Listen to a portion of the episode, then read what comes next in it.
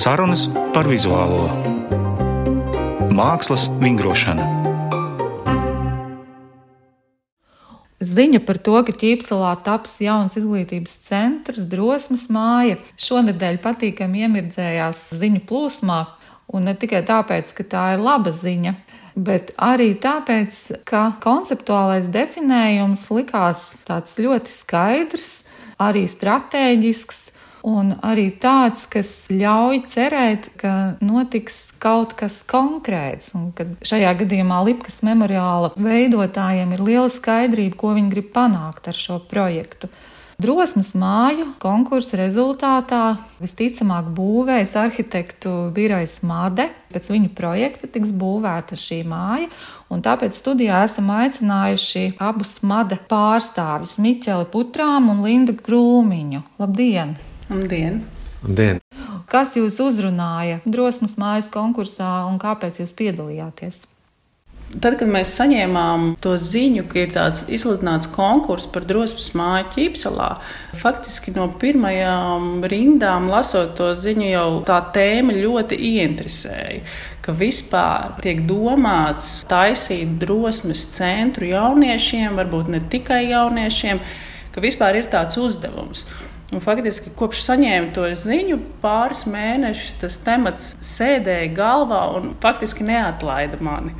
Lai arī konkursu mēs salīdzinoši īsā laikā uztaisījām, bet tā doma par to, kas ir drosme, kā to vispār var trenēt, kā ar arhitektūras palīdzību mēs varam palīdzēt jauniem cilvēkiem trenēt drosmi, tas bija tas pamatmotīvs, kas ieinteresēja piedalīties. Kas jūs uzrunāja vairāk? Šī sociālā pozīcija, kas ir definēta manifestā, ka mēs gribam Rīgā izveidot vietu, kur pulcētos jauni cilvēki lielas dzīves sākumā, lai taptu noturīgāki pret stereotipiem, pret vispār pieņemtiem un pavirši atkārtotiem naidu mītiem, kas ir reāla problēma sabiedrībā, vai šis sociālais aspekts, vai varbūt arī tēlainais, ko mēs redzam, ka Lipkas memoriāls definē drosmi plaši un tēlaini, ka tā ir drosme iestāties par vājāku, drosme ir pateikt, ko tu domā, drosme ir pārjautāt, ja tu nesaproti, drosme ir pateikt nepopulāru viedokli. Drosme ir atzīt, ka tev ir bail. Kurš no šiem virzieniem jūs vairāk uzrunāja? Es domāju, ka tas ir saistīti jebkurā gadījumā, kad tiek projektētas mājas telpas kaut kādai izglītībai, kaut kādai izaugsmēji. Un mums līdz šim ir tāda pieredze bijusi ar vairākiem šiem izglītības projektiem, un tajos ir kaut kāda augstāka sūtība vai kaut kāda spēcīga vilkme tieši radīt tās telpas, kas palīdz izaugsmēji.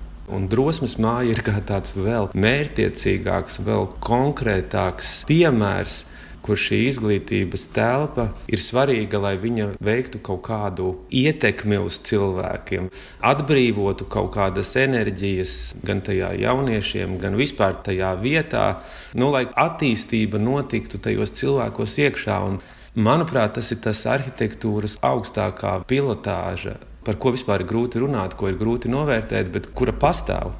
Mēs runājam, ka arhitektūra ietekmē cilvēku uzvedību, ietekmē sajūtas, bet kā panākt, lai tā arhitektūra iedrošinātu vai dotu to brīvības sajūtu, atraisīt šīs drosmes dīgļus cilvēkos iekšā, tas ir kaut kāds tik mistisks un tā pašā laikā tik ļoti intriģējošs uzdevums. Tur mums nebija šaubu, ka tas konkurss ir jātaisa un jāpiedalās. Mani noteikti uzrunāja tieši tajā personīgajā līmenī, manā skolas laikā būtu bijis tāds drosmes centrs. Es droši vien labprāt būtu gājusi un trenējusi drosmi un izmantojusi tos pakalpojumus. Man tas likās tāda superīga iespēja bērniem, kuriem varbūt tas patiešām ir nepieciešams apzināties savas spējas. Un, un spēt likt tās lietā. Varbūt tāds centrs, kas uz to ir fokusēts, varbūt varēs viņiem palīdzēt. Jā, tas ir interesanti, jo drosmes māja, manuprāt, lieliski apvieno ne tikai psihologa kabinetu, jā, kur bērns tiek, teiksim, ārstēts un būtībā atrauti no plašākiem kontekstiem, bet drosmes māja, manuprāt, piedāvā savā konceptā plašu kultūras kontekstu, vēsturisku kontekstu, principā domāt plašā tādā vēsturisku kultūras vērtību skatījumā. Bet ļoti interesants aspekts, manuprāt, mūsdienās, ko nedrīkst apiet, ir pats jēdziens drosme un drosmes savā ziņā sakompromitētā vērtība, kādu drosmi ir piedzīvojis 20. gadsimtā, ja vadot šo propagandas gadsimtu, kur no apgaismības laikmeta vērtībām tika būtībā izkropļota, pārspīlētas ego pašapziņas vērtība Un, eh, kā zinām, 20. gadsimta kari, politiskie kari ir noveduši pie tā, ka drosme izkropļotā veidā ir radījusi noziegumus. Kā mūsdienās jāuzlūko drosme un kas ir būtiskākie drosmes aspekti mūsdienās?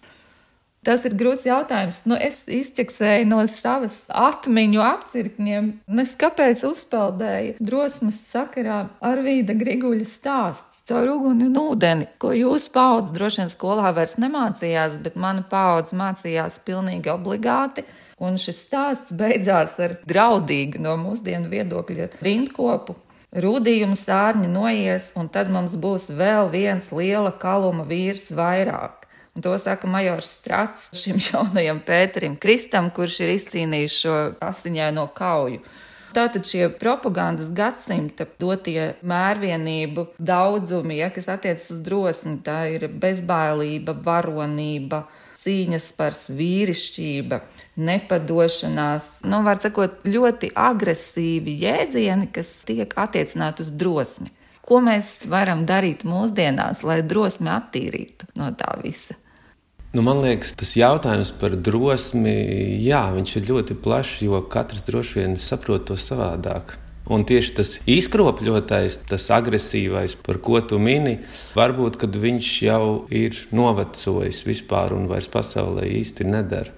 Varbūt tas ir iemesls, kāpēc par drosmi pēdējā laikā tomēr nerunā bieži. Jo drosme nav visai populārs koncepts, ja runa par kādiem risinājumiem, jaunu stratēģijām. Tur, manuprāt, drosme nefigurē. Nu, varbūt šī drosme ir jau transformējusies, un mēs tikai vēl mēģinām viņu ieraudzīt mūsu ikdienas dzīvē. Nu, man tāds ļoti praktisks piemērs ir, es nesen runāju ar līdzīgi domājošiem cilvēkiem. Un mēs tā spriedām, ka, ja senos laikos Džeks Londons rakstīja par drosmi ledājos un ar suņu kamanām izturēt bezmiega naktis augstumā, tad varbūt mūsdienās šī drosme izpaužās tieši tādā ārkārtīgā pacietībā, pārvarot birokrātiskus pasaules šķēršļus, kas traucē pasaulē attīstīties. Varbūt tas ir viens no pieturas punktiem, kur meklēt tās drosmes izpausmes mūsdienās. Pats Žaņa Lipkas memoriāls rosina domāt par drosmi tieši tādas individuālas izvēles kontekstā, izdarot šīs izvēles būtībā bīstamos laikos par labu cilvēcīgai rīcībai. Un, man liekas, tas ir ļoti labs pamats, lai attīstītu šo izglītības centru. Būtu vērts parunāt arī par jums kā par arhitektiem. Tu jau sāki runāt par arhitektūru un drosmi. Jūsu, manuprāt, vispazīstamākais projekts noteikti ir Saldus mūzikas un mākslas skola kas ir realizēta gan formā, gan, ja tā var teikt, saturā, ārkārtīgi laikmetīgi, manuprāt, iemiesojot, cik nu var iztēloties visas tās labās, ilgspējas, modernas pieticības kvalitātes. Un tāpat skatoties jūsu mājaslapā daudzos nominētos un apbalvotos projektus, kaut vai, teiksim, Olainas kultūras kvartālam vai Dēls teātras skvēram, arī var redzēt šīs konceptuālās kvalitātes. Kā jūs esat nonākuši pie šī sava stila, pie šīm vērtībām? Nu, es domāju, ka Saldus mākslas un mūzikas skolas projekts bija mums kaut kādā ziņā tāda refleksija pret šo pieredzi, ko mēs ieguvām Dānijā. Tas bija atbraucot tikko uz Latviju. Un tajā gadījumā šī drosme realizēt un piedāvāt tik tālu nākotnē orientētu projektu radās tieši no tās pārliecības, ko mēs ieguvām Dānijā, strādājot tādos slavenos un zināmos birojos. Ko tu sauktu par to tālo pārliecību? Kas to izsaka tajā Saldus mākslas skolas projektā? Nu, varbūt galvenokārt tas, ka ir šis skats uz nākotni, domāšana par māju kā par nākotnes produktu, nevis šodienas vajadzību realizāciju. Arhitektūras projekts ir tik ļoti ilgtermiņa elements, ka vismaz mūsu projekti attīstās kaut kādā savā laika nogriezienī. Un, ja mēs pārāk koncentrējamies tieši uz tagadni, tad tas projekts ir novecojis. Un tāpēc pie katra šī projekta strādājot, mēs skatāmies no tādas nākotnes prizmas. Un, attiecīgi, tas fascinējošākais ir tas, ka šie projekti ir kad viņi ir uzkonstruēti virtuāli no šīs nākotnes skatoties, tad viņi sāk pavilkt to realitāti sev līdzi. Tad atrodas finansējums, tad atrodas apstākļu sakritības un dažādi notikumi sajiet kopā, un tādā veidā viņi realizējas. Es domāju, ka iekšēji no mūsu biroja skatoties, tā ir tāda mana sajūta, kur man jau atkārtoti rodās, ka iestādot šajos projektos tādu nākotnes ideju, viņa pavelk realitāti un apstākļus sev līdzi. Un tas nav tikai ar Saldus mūzikas un mākslas skolu, tas ir gan ar eh, Rīgas mākslas mediju tehnikuma jauno blackboxu. Tikko gan tas ir ar eh, Salaspils bērnu dārzu, kas šobrīd tiek būvēts. Kaut kā šie projekti ar to ideju ir pavilkušies sevis visu pārējo realitāti, un tā skaitā mūsu pašus pēc tam. Un kas būs tās nākotnes idejas, ko iemiesos drosmes māja? Nu, man liekas, ka drosmes māja ir uh, lielā mērā arī Lindas ieguldījums, jo projektējot Sālas mūzikas mākslas skolu, mēs mēģinājām atgriezties savā bērnībā. Un kaut kādā ziņā šī drosmes māja ir uzdevums, kurš nav vēl atrisināts, bet kur mēs centāmies apskatīt sevi kā pusauģus un skatīties uz šo māju no pusauģu problēmu viedokļa. Un man liekas, ka tas ir kaut kas, kas Latvijā vēl ir ļoti maz novērtēts. Nu, var teikt, atstāts novērtā.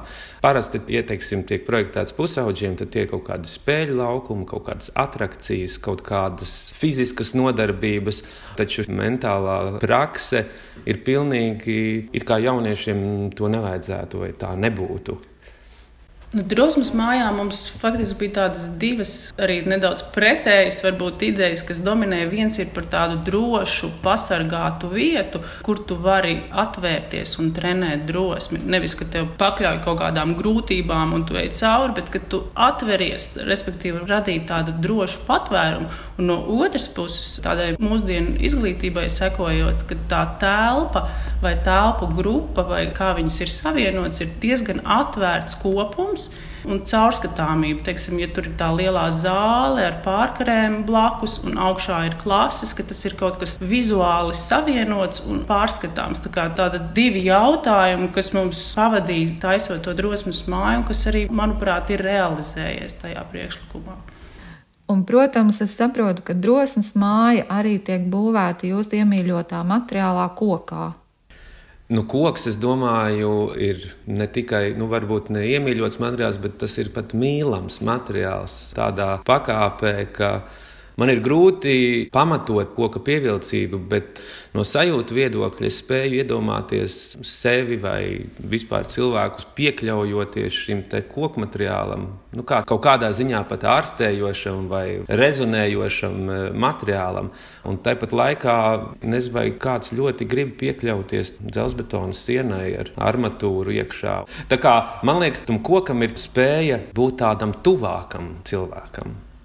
Un tieši tā dabīgā izcelsme un tas, ka šis koks ir veidojies un izaudzis, nevis uzkonstruēts, sadrupinot vai kausējot, tam ir tāda nu, daudz cilvēciskāka aura un cilvēciskāka enerģija. Nu, katram materiālam ir arī sava vieta. Manuprāt, teiksim, ķīpseles, mastāva apbūve un vēsturiskās koku mājas kaut kādā ziņā jau arī paģēra, un tā māja pat ļoti iederas esot koku konstrukcijās. Un, esot salīdzinoši neliela divu stāvu ēka, kāpēc mēs to neizmantotu? Nu, betonam ir sava vieta, un šis, man liekas, drosmes mājas gadījums ir tiešām, kur mēs to koku varam izmantot. Par vēl nākotnes tādām idejām, protams, ka koku materiāls ir atjaunojams resurss, un tas ir pilnīgi cita jēga būvēt kaut ko jaunu, izmantojot atjaunojumu resursu.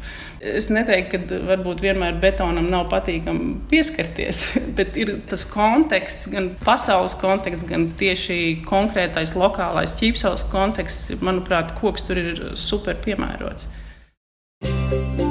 Sarunas par vizuālo mākslas vingrošanu katru otro sestdienu, 14.5. Atgādinām, ka studijā mums ir Made arhitekti, Miķels Putrāms, Linda Krūmiņa, Mēs runājam par ķīpselā topošo izglītības centru drosmes māja. Jūsu konceptuālajos pamatojumos izskan šis vārds nākotne, un var noprast, ka tajā jums ir ļoti skaidrs saturs. Vai jūs varat mazliet atklāt, ar ko šī nākotne atšķiras no tagadnes? Tās tagadnes, no kuras mums vajadzētu izaugt ārā uz šo labāko nākotni.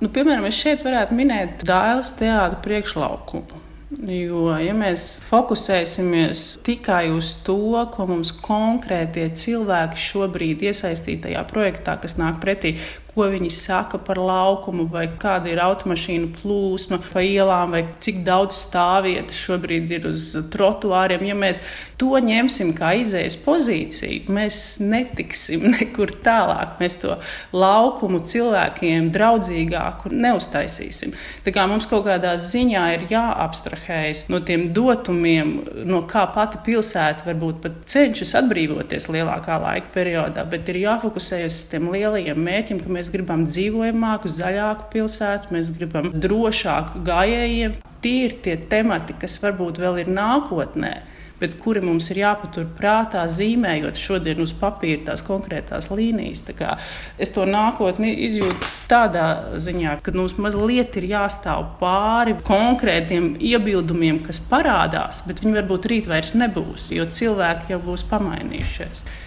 Es pilnīgi piekrītu, ka tam arhitektam ir tā fantastiskā iespēja dzīvot nākotnē.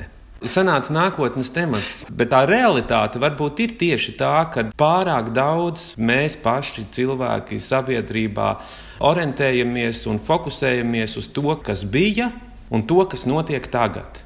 Bet arhitektūra tiešām spēja izpausties tikai tad, ja viņa rada šo nākotni. Ja mēs kopējam pagātni vai risinām esošās problēmas, Ne, nu man, to mēs nevaram izdarīt. Man tas, tas ir... Uh, vārds nākotnē īsti nepatīk. Es drīzāk teiktu, tā ir mana vēlamā tagadne, kurai es varu palīdzēt, piedaloties projektos un viņu kaut kā realizēt, pietuvināt viņu ātrāk piemēram, arī saldus skola. Nu, citi mums saka, nu, varbūt skandināviski tur kas tur un Skandināvijas ietekme. Nu, bet kas tur ir? Dabīgi materiāli, lieli logi, tīras proporcijas. Tas nav nekas skandināvisks. Tā ir tā realitāte, kādā es gribu dzīvot. Mums arī Latvijā ir tāda pati ziemeļu gaisma, dabīgi materiāli.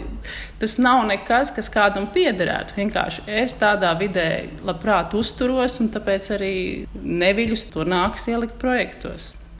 Es gribēju jautāt eh, vēl par to drosmi. Kur mūsdienās arhitektam tomēr ir vajadzīga tā drosme?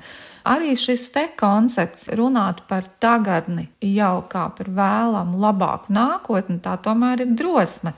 Tā drosme ir vajadzīga būtībā, lai palīdzētu cilvēkiem pašiem saprast mūsu jau esošās vai sabiedrībā bijušas labākas vērtības, varbūt nekā mēs patērējam daudzumā pašreizējā brīdī. Tā to varētu rezumēt. Jo, teiksim, mūsdienās mums ir jābūt vienmēr diezgan uzmanīgiem ar neizskaidrotiem labumiem, ja, un lielumiem. Tas ir tāpat kā ar drosmi, tāpat arī ar šo labāko nākotni. Vienmēr tomēr gribas piesardzīgi jautāt, kas tur ir iekšā tajā labākajā nākotnē. Man drosme arhitektūrā ir noteikti kaut ko neuzzīmēt, vai kaut ko nesasteigt, vai kaut ko nesarežģīt, bet noturēt kaut kādu vienkāršību. Drīzāk nepieļaut kaut kādu ārēju ietekmju, risinājumu projektu sarežģīšanu. Bet drīzāk atteikties no kaut kāda projekta, lai varētu darīt, ko gribās. Tā ir mana iekšējā drosme ar ko es ikdienā saskaros. Man tur nav nākotnes supervīzija par drosmīgu vai kaut kādu tādu. Ja mēs runājam par tādu drosmes lietošanu ikdienā, tad uh, es piekrītu Lindai par to vienkāršību. Jo ņemot vērā visas šīs prasības, mūsdienu šo sarežģītību un tūkstošiem vajadzību un detaļu, kas arhitektūrā ir jārisina, uh, Tā drosme ir tieši attīrīt no sārņiem gan savas domas, gan šo projektu un palikt tikai pie tādām patiesi vērtīgām lietām. Salaspils dārziņā varētu gandrīz vai nosaukt to par Covid dārziņu, jo, jo mums plānojumā ir paredzēts, ka tas ir decentralizēts. Un ka 300 bērni dārziņā ienāk sadalīti pa vairākām sešām ieejām. Tas dārziņš, lai arī viņš ir ļoti liels, viņš īstenībā ir sadalīts tādās atsevišķās grupu komuniņās. Un mēs šo ideju noskatījāmies Zviedrijā un attīstījām tālāk. Šobrīd izrādās, ka viņa atbilst realitātei, lai arī tika iekļauta projektā jau agrāk. Un tas pamatojums, kā mēs klientam to prezentējām, bija, ka nu, jūs iedomājaties durvis bērnu dārza ieejai, kuras virinās tūkstošiem reižu dienā. Un caur šīm vienām durvīm katru rītu 600 reizes izies bērni ar vecākiem. Lai arī mums ir jāprojektē šāds liels dārziņš, jo tas ir efektīvi, nu, tā ir kaut kāda tāda reāla situācija, kur ir jāapzinās un jāsaprot, ka tas nav normāli no rīta stundas laikā 600 cilvēkiem caur vienu kvadrātmetru iziet. Un tā radās šī ideja par šo decentralizēto, un tā ir kaut kāda vērtība, kas nākotnē darbosies arī jau šobrīd viņa jau tiek realizēta bērnu dārzos un citās iestādēs, kur tiek veidotas cilvēku plūsmas, lai nebūtu augsta koncentrācija. Un tas, es domāju, būs vēl svarīgāk, jo šī pasaule kļūst ar vien sarežģītāka, komplicētāka. Jebkāds risinājums, kas būs vienkāršāks un reizē kvalitatīvāks, vienmēr būs vērtība vai ķīpsala, ķīpsalas vēsturiskā apbūve, koka arhitektūras renovācija, kas plaši notiek ķīpsalā, un kur lielā mērā pateicoties Zaigas Gailas projektiem, vai tas ietekmēja arī kaut kādā veidā estētiku? Kādu jūs izvēlējāties? Izskatās pēc tāda burvīga paviljona šī ēka. Protams, ka gan ķīpsels konteksts, gan paša Žaņa Lipkas memoriāls, ka tas ir viena institūcija un viņš ir turpat blakus.